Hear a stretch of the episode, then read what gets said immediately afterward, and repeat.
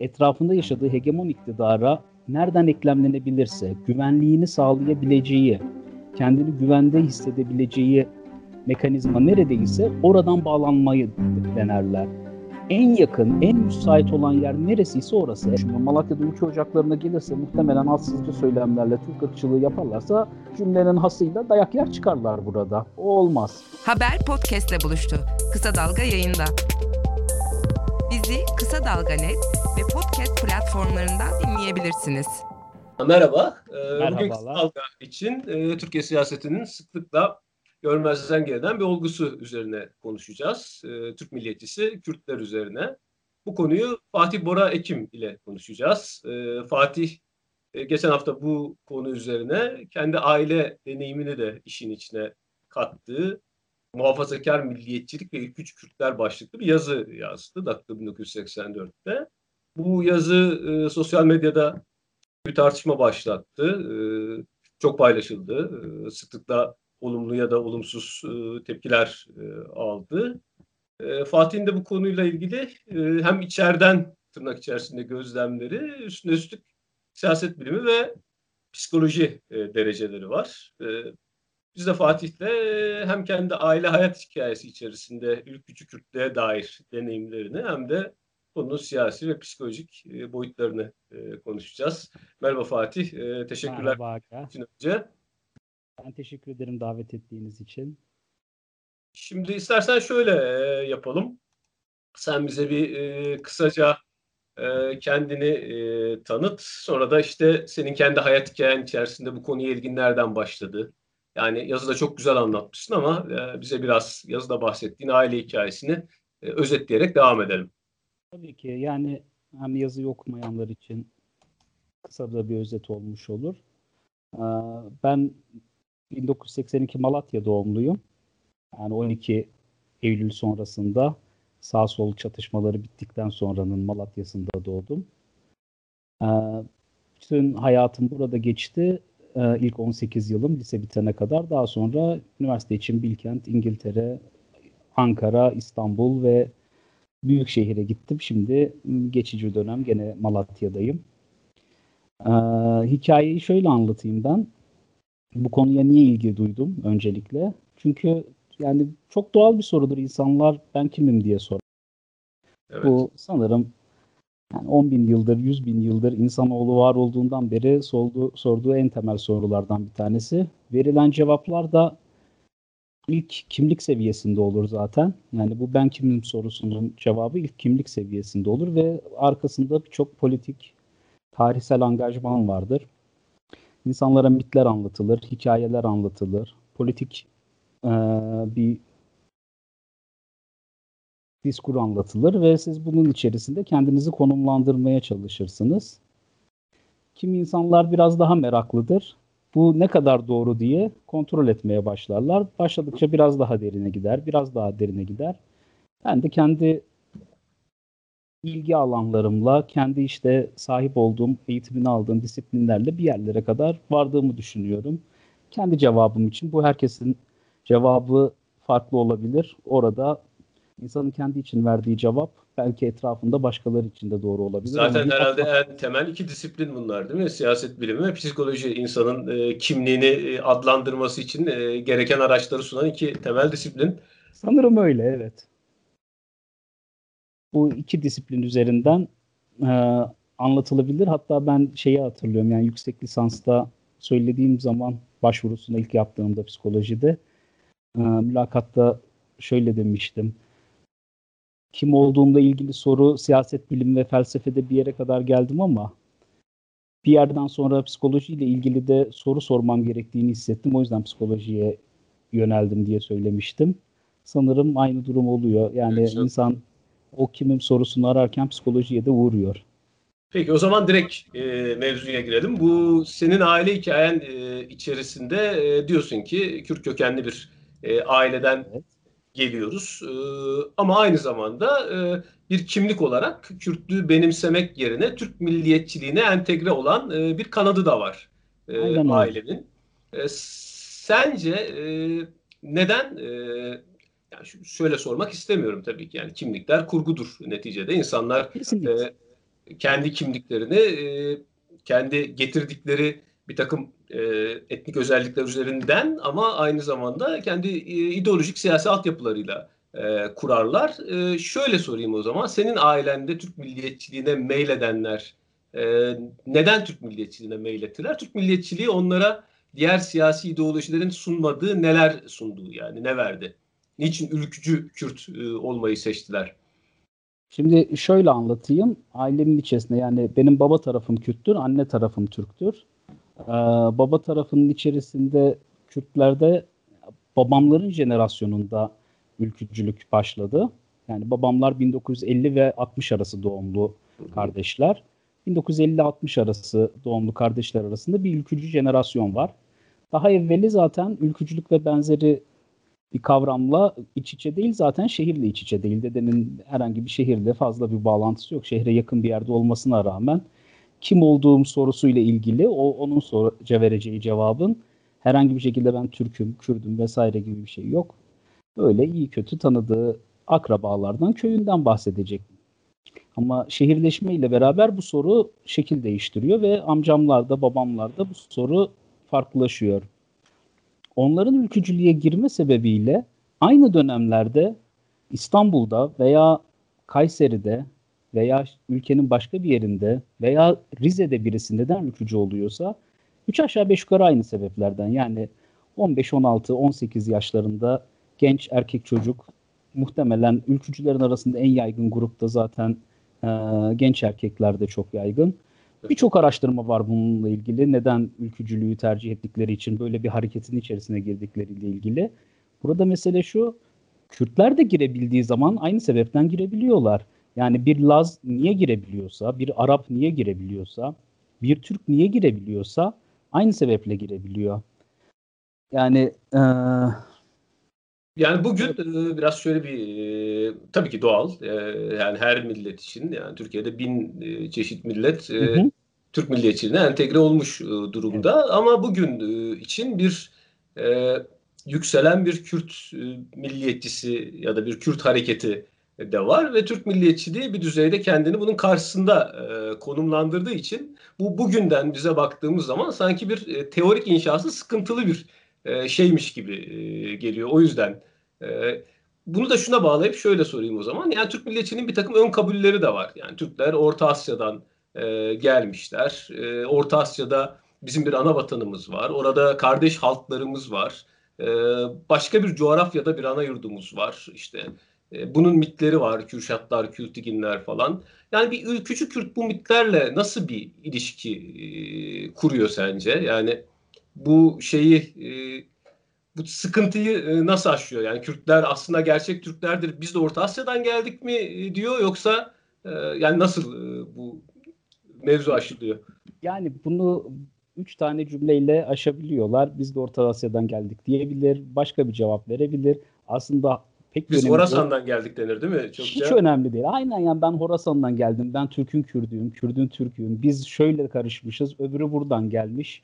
Yani etnik meseleleri geçtim. Mit mes bu mitler o kadar aslında özünde irrasyonel hikayelerdir ki yani Kürşat diye birisi var mı yok mu belli değil. Kürşat hikayesi anlatır. Öyle bir sembol vardır. İsim uydurmadır. Yani bu hikayeler yani kim Kürşat'ın torunu ki burada? Öyle bir hikaye eklemlenmek istediğiniz zaman bu hikayenin içerisinde bir masal uydurur siz de girersiniz önemli değil. Yani yeter ki girmek isteyin siz. Yani 500 yıl önce birisi Orta Asya'da girmiştir bu hikayeye. Kimisi 20 yıl önce, 50 yıl öncenin Malatya'sında girmiştir. Biri bir yerde bu hikayenin içerisine dahil olur. Kürşat benim dedemdir der. Kürşat diye biri var mı? Hiçbirimiz de bilmeyiz. Veya işte Bulgaristan'dan bir pomak gelir. Ana dili Bulgarcadır ama o Türktür. Benim dedelerim Karaman'dan gelmiştir der. Türkiye'deki kim ne kadar böyle bir Türktür, öyle bir etnik Türklük nedir? Bu sorular çok şey geliyor yani herkes pro... için zaten bu bir herkes için geçerli. Ve e, herkes girmek isteyen bu hikayelere girebiliyor. Yani diyorsun. bir mikrobiyolog. Yani bir mikrobiyolog yanımızda otursa acaba bizim bütün bu etnik hikayelerimize ne diyecektir ki böyle dönüp bakacaktır. Haplo gruplardan falan bahsettim. Bambaşka bir dünyaya sokar bizi. Ama bir yandan da şöyle bir şey yok mu yani? bir grup insan aynı kökenden gelen bu hikayelere inanmayı tercih ederken bir başka grup insan da başka hikayelere e, inanmayı tercih ediyor. Mesela sen yazıda e, şöyle anlatıyorsun. Yani e, bizim aşiretin, karşı köyümüzün Alevi olanları solculaşıyorlar ve solcu hikayelerine e, inanmayı tercih ediyorlar. Sünni kanadı ise milliyetçileşiyor. Yani niye bir taraf o hikayelere inanıyor? Niye diğer taraf öteki hikayelere inanıyor? Bu bir soru. İkincisi de bu yarılma olduktan sonra yani bir taraf sol hikayelere bir taraf milliyetçi hikayelere e, inanıp bunun üzerinden bir siyasi e, bilinç geliştirdikten sonra bu gruplar arasında bir e, yarılma, tartışma e, oluyor mu? Yani biri diğerine hain, e, diğeri diğerine bölücü diyor mu mesela? Senin gözlemin ne bu konuda? Yani şöyle söyleyeyim, Malatya'da bu kadar katı bir bölünme olmadı. Yani Kürtlük meselesi üzerinden olmadı. Çünkü Kürtlük ana unsur hiçbir zaman olmadı. Aleviler içinde değildi. Sünniler içinde değildi. Burada asıl olan Alevi veya Sünni olmaktı. Zaten milliyeti de belirleyen mesele oydu. Bu daha ev, evvel kadim bir ayrım. Yani akraba da olsak, yan köylerde olsak birbirlerimizin cenazesine gider geliriz, ilişkilerimiz devam eder. Ee, ama mesela evlenme olmaz. Bu ayrımlar hep vardı. Ne zaman başladığını bilmiyorum. Muhtemelen 2. Mahmut döneminde vesaire olması lazım tahminim.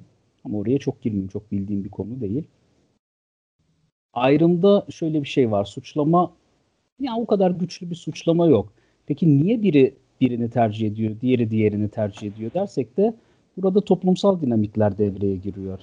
Yani kimliğini nereden uygunsa su akar yatağını bulur diye bir terim var ya. Yani hı hı. çatlak insanlar günlük hayatında hegemon iktidara, etrafında yaşadığı hegemon iktidara nereden eklemlenebilirse, güvenliğini sağlayabileceği, kendini güvende hissedebileceği mekanizma neredeyse oradan bağlanmayı denerler. En yakın, en müsait olan yer neresiyse orası. E, bu bir Alevi için Kemalizmden, sekülerlik üzerinden bir retorik o, retoriktir. Hiçbir çıkar yol bulamazsa e, İstanbul'da bazı elitlerin oluşturduğu komünist söylemdir. Gider oraya tutunur. Yani Kemalizm de ona müsaade etmezse gider oradan tutunur hiçbir tanesine veremezse e, bu sefer saldırganlaşmaya başlar. Çünkü güvenlik hissini alabileceği herhangi bir yer kalmamıştır. Artık köşeye sıkışmıştır ve saldırgan hale gelir. Yani başka bir konu ama Orta Doğu'da yaşananların bir kısmının bununla alakalı olduğunu düşünüyorum. Çok köşeye sıkıştırırsanız olmaz. Ama size bir kanal açıldıysa sizin yakınınızda en yakın, en popüler, o sırada o günlerde size hangi kanal açıldıysa siz o kanaldan girmeyi tercih edeceksinizdir. Kendi mizacınıza uygun tabii ki yani kimisi biraz daha ılımlı bir insandır. ılımlı açılan kanattan girer. Diğeri biraz daha sert açılan kanattan girer ama kendi mizacına uygun bu yolları dener girerler. Çünkü insan aslında güvenliğine, çoluğunun çocuğunun geleceğini, e, yasa önünde eşit olma gibi temel hakları ararlar. Öyle çok büyük ideolojik kaygıları yoktur sıradan insanların. Yani insanların. Kimlik harici böyle tesadüfi süreçler e, içerisinde oluşur diyorsun. Bana şey hatırlattı. Çok eskiden bir e, Türkiye gazetesiydi yanılmıyorsam bir e, sağcı milliyetçi bir gazetede böyle e, biraz da komünistleri, e, solcuları aşağılamak için e, bir yazarın şöyle bir şey yazdığını e, okumuştum. Yani bunlar yağmurlu bir günde bir kedi yavrusu görürler. O hmm. kedi yavrusundan etkilenirler. E, öyle komünist olmaya karar verirler. Şimdi, ya ben bunu e, okuduğum zaman yani bana çok itici gelmişti ama bir yandan da sonra düşününce üzerine evet hakikaten de insan 18 yaşında yani Das Kapital'ı okuyup e, ne bileyim teorik e, altyapı edinip de solcu sağcı olmaya karar vermez. Yani bir büyüğünden bir abinden e, etkilenirsin ya da hakikaten bir e, kedi yavrusu görürsün. Ondan etkilenirsin de bunun çözümü bir ideolojidir dersin. Onun peşine e, takılırsın herhalde. Yani ben de e, bu konuda sen de e, benzer düşünüyorum yani. Bunlar evet. biraz tesadüfi e, süreçler. E, ama yani sen biraz, yazıda... Ya, şey söyleyeyim. Ya, sadece tesadüf değil bir de toplumun seni orada kabul edip etmemesi var. Yani ben ülkede antikomünizm üzerinden İslam ve Sünnicilik havası eserken bir Alevi gidip ben e, Sünni oldum ve bu yüzden Türkçülüğü kabul ettiğim zaman sizi eğer oraya kabul etmiyorlarsa veya siz kabul edilmeyeceğinize inanıyorsanız kendinize başka bir kanal ararsınız. Yani burada siz orada kabul edilebiliyorsanız mesele orada aslında hegemonun kullandığı kimi günah keçisi tutuyor. İçerideki dinamik neye göredir? Toplumsal dinamik ne üzerinden işliyor? Bunlar da etkili. Sadece bireysel karar, bireysel etkilenmeyle olmuyor. Yani bu dönem içerisinde e, bir e, o tarihsel sürecin geldiği yerle Aynen. ilgili bir de sizin bulunduğunuz yerle ilgili herhalde. Yani evet. mesela Malatya'da ülkücü Kürtlerle karşılaşabiliyoruz. Elazığ'da ülkücü Kürtlerle karşılaşabiliyoruz. Herhalde Antep'te, Urfa'da e, ülkücü Kürtler var ama yani Fırat'ın biraz daha ötesine gittiğimiz zaman işte Tunceli'de e, pek ülkücü Kürt yok. Yani Diyarbakır'da evet. pek ülkücü e, Kürt yok. Yani herhalde sizin bulunduğunuz coğrafya da hegemon olan e, şeyle e, ideolojiyle de biraz ilgili. Yani buradaki e, dinamiklerle alakalı bizim bu coğrafyada Alevi-Sünni ayrımının olması bir şekilde etkiledi. Bir, bir sebebinin ben o, bu olduğunu düşünüyorum. Mesela Zazalar arasında çok yaygındır. Ee, Özellikle Siverek Zazaları değil mi? Tabii tabii Siverek Urfa tarafında yaygındır. Diyarbakır'a da göç edenlerden vardır ama Elazığ'daki Zazalarda, Palulularda Zazalar arasında, Sünni Zazalar arasında çok daha yaygındır. Bingöl'de evet e, MHP belediye başkanı çıkarmış 1970'lerde evet. 74 yanılmıyorsam e, da. Onu da şöyle düşünün yani burada e, bir kurmança hegemonyası vardır aslında toplumda. Zazaların kendini ifade edebileceği, kurmançları e, bir şekilde denk getirebilip yani kurmançlarla denk olup veya e, kendini kanıtlayıp toplumdaki konumunu güçlendirebileceği başka bir kanal çıkıyor. Yani bir milliyetçi, Türk milliyetçisi olmak kurmanç hakim bir toplumun içerisinde Zazalara güç verir. Yani bu bunu niye tepsin ki böyle birisi? Eğer oradaki e, milliyetçi organizasyon, MHP'nin o zamanki ülkücülerin organizasyonu bu kişileri kabul ediyorsa niye reddetsin ki bir insan bunu? Yeter ki organizasyon sizi kabul eden bir dile sahip olsun. Yeter ki o, ki o organizasyon size bir fırsat sunsun. Bu aslında şeyde de oldu. 1990'ların Malatya'sında da olmaya başlamıştı. Dinamik değişti. Yani hikayede sağ sol ayrımı biraz azalmaya başladı. Bitti 28 Şubat süreciyle. Hı hı. Malatya'da hakim olan dil e, şeye dönüştü. Yani ülkenin temel dinamiği sekülerler ve laik e, sekülerler ve şeriatçılar üzerinden kurgulanmaya başladı. Bunun içerisinde sekülerlerin arasında en sevimli olan, herkesi daha çok kabul edebilecek, daha geniş bir tavana e, hitap eden partilerden birisi MHP'ye dönüştü bir anda hatırlarsınız. MHP'nin bir oy patlaması var 90'larda 28 Şubat'ta. Malatya'da o dönemde belediye başkanı e, Yaşar Çerçi olmuştu. Kendi de bir Kürttür ve seçilmesini sağlayan Alevilerin Alevi Kürtler dahil Alevilerin verdiği oylardır. Yani 70'li yıllarda ülkücülerle kavga eden, e, ülkücülere düşman olan Aleviler, Alevi Kürtler dahi e, bir kısmı tabii tamamı olmamakla beraber MHP'li bir belediye başkanını Malatya'da seçti. Çok çok çünkü ilginç. Çünkü toplumsal dinamik değişti. Toplumda artık Alevi ülkücü birisiyle iletişim kurabiliyor, dışlanmıyor. Bu e, en azından Malatya ortadan üzerinde. kalkmış. En azından Malatya üzerinde toplumsal yapı buna müsait, partiler, devlet buna müsait ve insanlar burada tercihlerini bu yönde yaptı. Bizi Kısa Dalga Net ve podcast platformlarından dinleyebilirsiniz. Görevden alındı Ergenekon soruşturmasında hı hı. içeriye atıldı. O da galiba ülkücü kendi bir aileden gelip sonra e, böyle seküler ve işte şeyle askerle e, iş tutmayı e, Muş'ta evet. öyle hatırlıyorum yani, e, yani şeyden. Hatta babasının öldürüldüğünü ben Malatya'ya bir göreve gitmiştim bana e, orada onu anlatmışlardı şey solcular tarafından. E, benim konuştuğum e, akademisyen İslamcı kökenliydi ve o da yakıştıramıyordu. Yani nasıl e, bir ülkücü kökenli aileden gelip babasını solcuların öldürdüğü bir insan gider de işte şeylerle tırnak içerisinde solcularla iş tutar diyordu. Evet bu kimlikler çok karışık. karışık. Şartlar müsait olduğu zaman geçiş yapılır. Bireysel geçişler belki çok idealize edilmiyor. Orada insanları hakir görmek mümkün olabiliyor günlük sohbetlerin içerisinde ama toplumsal geçişlerin arkasında toplumsal dinamikler var. Bunların hepsi mümkün bence ve yani sıradan ya evin ekmek götürmeye çalışan insanın, hayatta kalmaya çalışan bir insanın çok büyük ideolojik dertleri olduğunu ben hiçbir zaman düşünmedim. Onun arkasında genelde daha rasyonel sebepler var. Hayatın pratik e, şeyleri, e, çelişkilerine kendi ürettikleri çözümler e, diyorsun. Ya haklısın herhalde.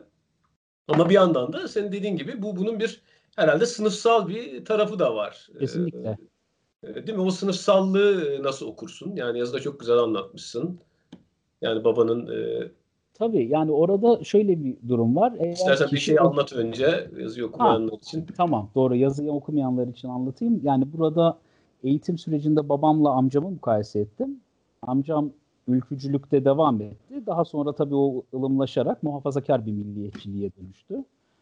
Ee, babamınki müca- düşünceleri şeyle beraber yüksek öğretimde, üniversite okumasıyla ve insanlarla tanışmasıyla yavaş yavaş değişti ve ülkücülükten vazgeçmişti oradan.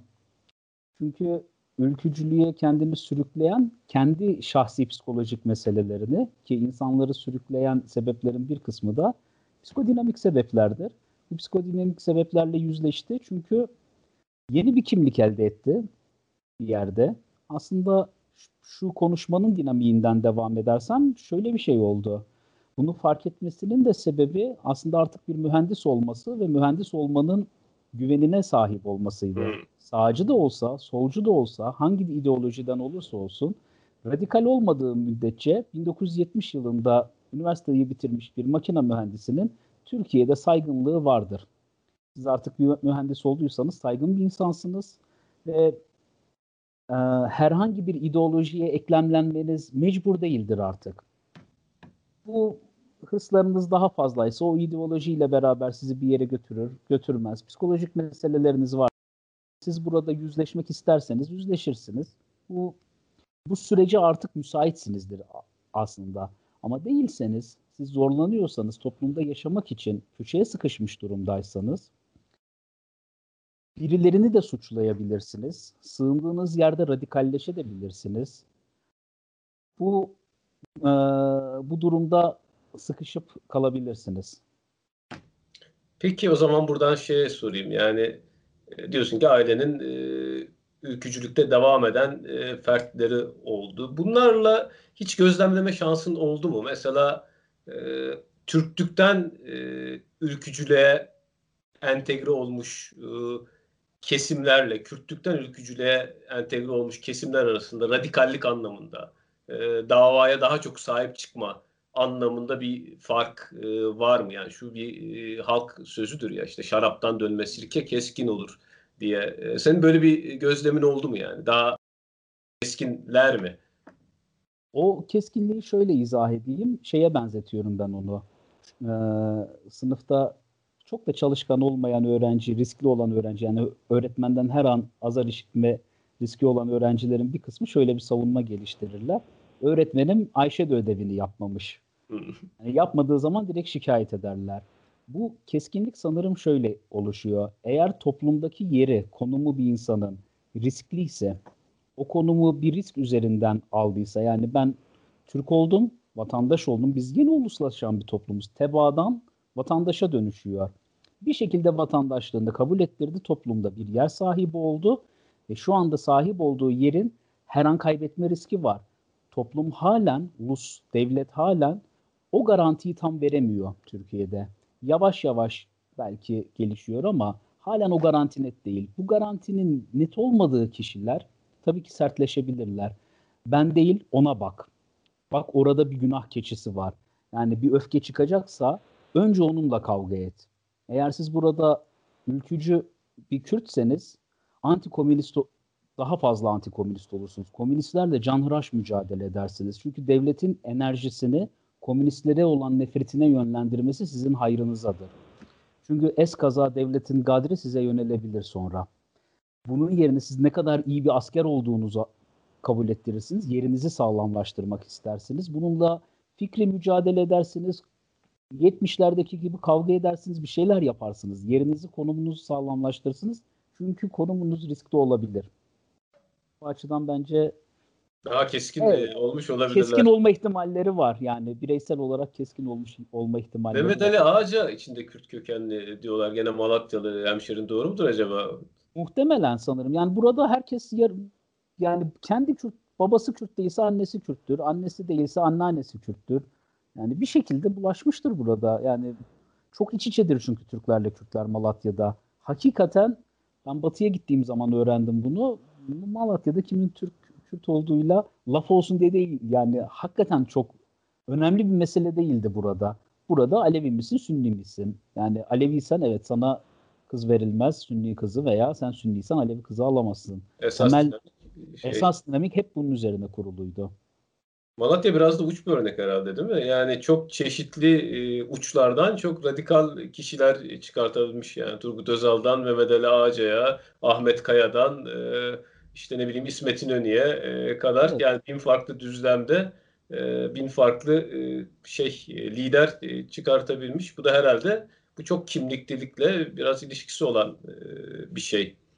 Sınır şehri olması aslında yani burası e, Cumhuriyet'in veya Osmanlı'nın son 400-500 yılında değildi ama teknik olarak Malatya 2000-2500 yıldır Doğu evet, ile Batı'nın sınır şehridir. Sasani ve Roma sınırı. Ee, Sasani Malatya ve Roma ötesinden, sınırı. Malatya Tunceli arasından geçiyor Fırat. Osmanlı'da da miri arazilerle iltisam arazilerinin sınırıdır. Yani sosyal yapı da farklıdır. Bir tarafta mesela aşiretlerden bahsedince karşı tarafta e, buradaki o miri arazilerin oluşturduğu mekanizmadan dolayı aşiretler dağılmıştır da çok girmeyeyim tarih meselesine.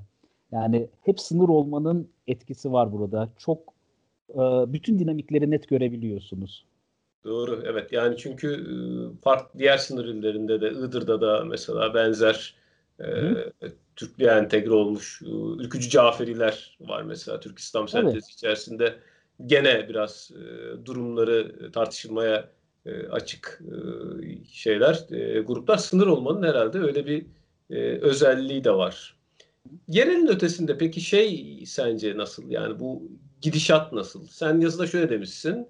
E, demişsin ki son dönemde de Osmanlı sembolleriyle Türk İslam sentezi milliyetçilik laik Kemalist yüklerinden kurtulmuş. Halkta da daha geniş bir kesime yayılmıştır e, demişsin. Bu doğru evet. Yani e, AKP laik Kemalist e, damarı biraz e, elimine ediyor gibi görünüyor Türk İslam sentezi içerisinde. Ama aynı zamanda da daha seküler bir e, milliyetçilik de sanki yükselişte gibi görünüyor. Yani atsızcı gruplar, kendini seküler diye e, ilan eden, e, dine çok ağır eleştirilerde e, bulunan bir daha daha ırk temelli bir sanki milliyetçi grup da e, yükselişte gibi e, görünüyor. Sence bu dönüşüm ülkücü Kürtleri nasıl etkiler? Yani bu seküler ve ırk vurgusunun daha baskın olduğu milliyetçilikte ülkücü Kürtlere yer var mı? Yoksa ne olur sence bu şey dönüşüm nereye varır?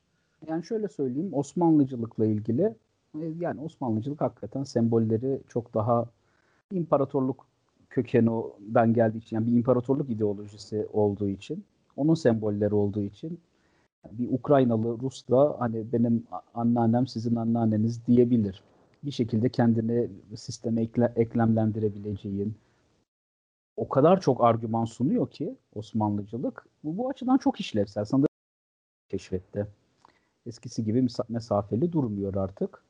Bu sembolleri kullanabilir. Hatta onunla şey örneği vereyim. Bir e, Ermeni kuyumcu bir arkadaşım vardı. Yüzük yapmıştı. Meşhur da bir şeylerden, kuyumculardan bir tanesi. Yüzük yapmıştı. E, Fatih Sultan Mehmet serisi falan yapmış böyle yani dedim niye bu kadar Fatih Sultan Mehmet'e önem atfediyorsun? Şey diyordu. Hani Fatih Sultan Mehmet sayesinde biz İstanbul'a geldik. Benim büyük dedelerimi çünkü Ermeniler İstanbul'da yaşamıyordu. Fatih getirdi. Bizim dedelerimiz onun sayesinde bu şehre geldi. O bile kendine Osmanlı'nın içerisinde bir yer bulabiliyor. Yani Osmanlı'da sekülerlik de arar. Kemalizm ararsanız o da var. Yani Mustafa Kemal Osmanlı Paşası derdinirsiniz. Devam eder gidersiniz çok imkan veren bir yer. Daha kapsayıcı bir kimlik şey. Evet. E, Kemalizm'e yani, göre. Hikaye çok daha uzun. E, katı da değil. Hani Kemalizmin Allah'tan çok doktrine edilmemiş. Mustafa Kemal kendisi müsaade etmemiş. Atatürk müsaade etmemiş. Etseydi daha sıkıntılı olurdu. Doktrin edilmediği için oradan da bir şeyler çıkartabiliriz ama çok politize oldu. Eskisi gibi mümkün değil bu. Yani Kürtleri daha çok Osmanlıcılık içerisinde kendini bulabilirler. Tabii. Yani daha Peki, kolay. milliyetçiliğin dönüşümü tekrar şeye... Onu söyleyeyim. Milliyetçiliğin dönüşümüyle ilgili şöyle söyleyeyim. Yani ben milliyetçiliğin dönüşümünün Kürtler arasında hani çok radikal atsızcıların olacağını zaten düşünmüyorum. Malatya'da ülke ocaklarına gelirse muhtemelen atsızcı söylemlerle Türk ırkçılığı yaparlarsa tam cümlenin hasıyla dayak yer çıkarlar burada. Onu, o, o olmaz. Ama daha pop, e, popüler, geniş tabanlı olanı mesela İyi Parti gibi bunun çok yayılabileceğini düşünmüyorum. Yani teknik olarak yayılabilir. Yani yeni bir masal hikayeye koyarsınız. Hakikaten hem Türk ırkçısı olup hem de Kürtleri içine alabilirsiniz. Dediğim gibi mitlerde asıl olan ne masal uydurduğunuz değildir. O masala kesinlikle birileri bir şekilde inanır. İhtiyacı varsa dünyanın en saçma masalını uydurun. Birileri gelir o masala inanır. Hatta o masala inanmaya insanların ihtiyacı varsa toplumun tamamını bile inandırırsınız o masala. Hiç, hiç problem değil. Yeter ki sizin niyetiniz bu olsun. Eğer ki Türk ırkçılarının, milliyetçileri de söylemiyorum yani, en hasından 1930 tipi, Nazi tipi ırkçının niyeti Kürtleri kendi partisine dahil etmek olsun, onu Kürtle, Kürtleri kendi partisinin içerisinde e, Kürtleri kendi partisi içerisine katmak olsun ve karşı tarafında bundan bir avantajı varsa bu, bu damar da tutar. Ama bu e, Türk ırkçılarının diyelim veya Türk milliyetçilerin diyelim veya daha seküler milliyetçilerin parti bazında mesela söylersek ırkçı bir parti olduğu için söylemiyorum İyi Parti'ye. Yanlış anlaşılmasın ama İyi Parti'nin söylemi ötekileştirme üzerine kurulu. Yani bunu Suriyelilere de yaptı. Kürtlere de yapıyor. Bu en son Kars seçimlerinde Kars kavgasıyla ilgili de söylemler aynı yönde. Yani biz Türkler bir yandayız, Kürtleri öbür tarafa atalım gibi söylemleri var. O onun yaptığı tercih bu doğru mudur, yanlış mıdır? Ben bir şey diyemem ama yapılan tercih şu. Biz buradayız, onlar ötekiler ve öteki olmayan bendendir. Yani bu aslında ötekileştirerek kendi saflarını sıklaştırma, kendini konsolide etme. Yani bunu tercih ederseniz olmaz ama aynı söylem, aynı ideolojiyle Kürtler de bizim parçamızdır diyebilirsiniz. Yeter ki niyet olsun. CHP şimdilik gökyüzüne bakıyor bence. Yani bir taraftan oradan korkuyor. Politik siyasi kaygılar hem oradan şiş yanmasın hem kebap yanmasın diye bir korkudan bu Ama esasında mevzu CHP olduğu için bu CHP'nin e, bu senin yazdığın e, yazı versiyonu e, bir dönem çok e, modaydı. Kemalist e, Kürtler e, versiyonuydu. Yani e, neden Tunceli e, Dersimliler CHP'ye oy verirler? Neden bunlar Kemalizme entegre e, olmuşlardır? Genelde de bunu işte Kürt hareketi içerisinden ya da kendi solda e, hisseden insanlar içerisinden açıklanması işte Stockholm sendromu. E, bunlar e, işte devletin, e, korucuların, e, komutanların e, etkisi altına giriyor. Böyle oldular e, falan gibi açıklamalardı. Senin yazını ben biraz da o yüzden çok e, beğendim. Sen böyle tek e, bakış açılı ve çok bu işin e, devlet ve ondan etkilenen e, bireyler üzerinden değil de e, bireyin kendi e, hem psikolojik e, hem de e, kendi entegrasyon ihtiyaçları üzerinden e, kurduğu bir süreç olduğunu çok e, güzel e, anlatmıştın e, yazıda. Yani, e, ben yazıdaki amacım şeydi yani psikolojik bireysel olarak anlatmayı şundan dolayı yaptım aslında toplumsal da anlatabiliriz burada. Yani tamamen ben toplumsal da anlatabilirim ama bireyi anlattığınız zaman, bir bireyin hikayesini anlattığınız zaman insanlar gerçekten ne olduğunu daha iyi algılayabiliyorlar. Bireye dokunmak bence bu açıdan kıymetli. Evet, e, çok teşekkürler. E, istersen burada bitirelim. E, tam yarım saat oldu. Kısa dalganın formatına uygun. Çok teşekkürler. Yeni yazıları bekliyoruz her ben konuda. Teşekkür ederim. Sağ olun davetiniz için tekrardan. Haber podcastle buluştu. Kısa Dalga yayında. Bizi Kısa Dalga Net ve podcast platformlarından dinleyebilirsiniz.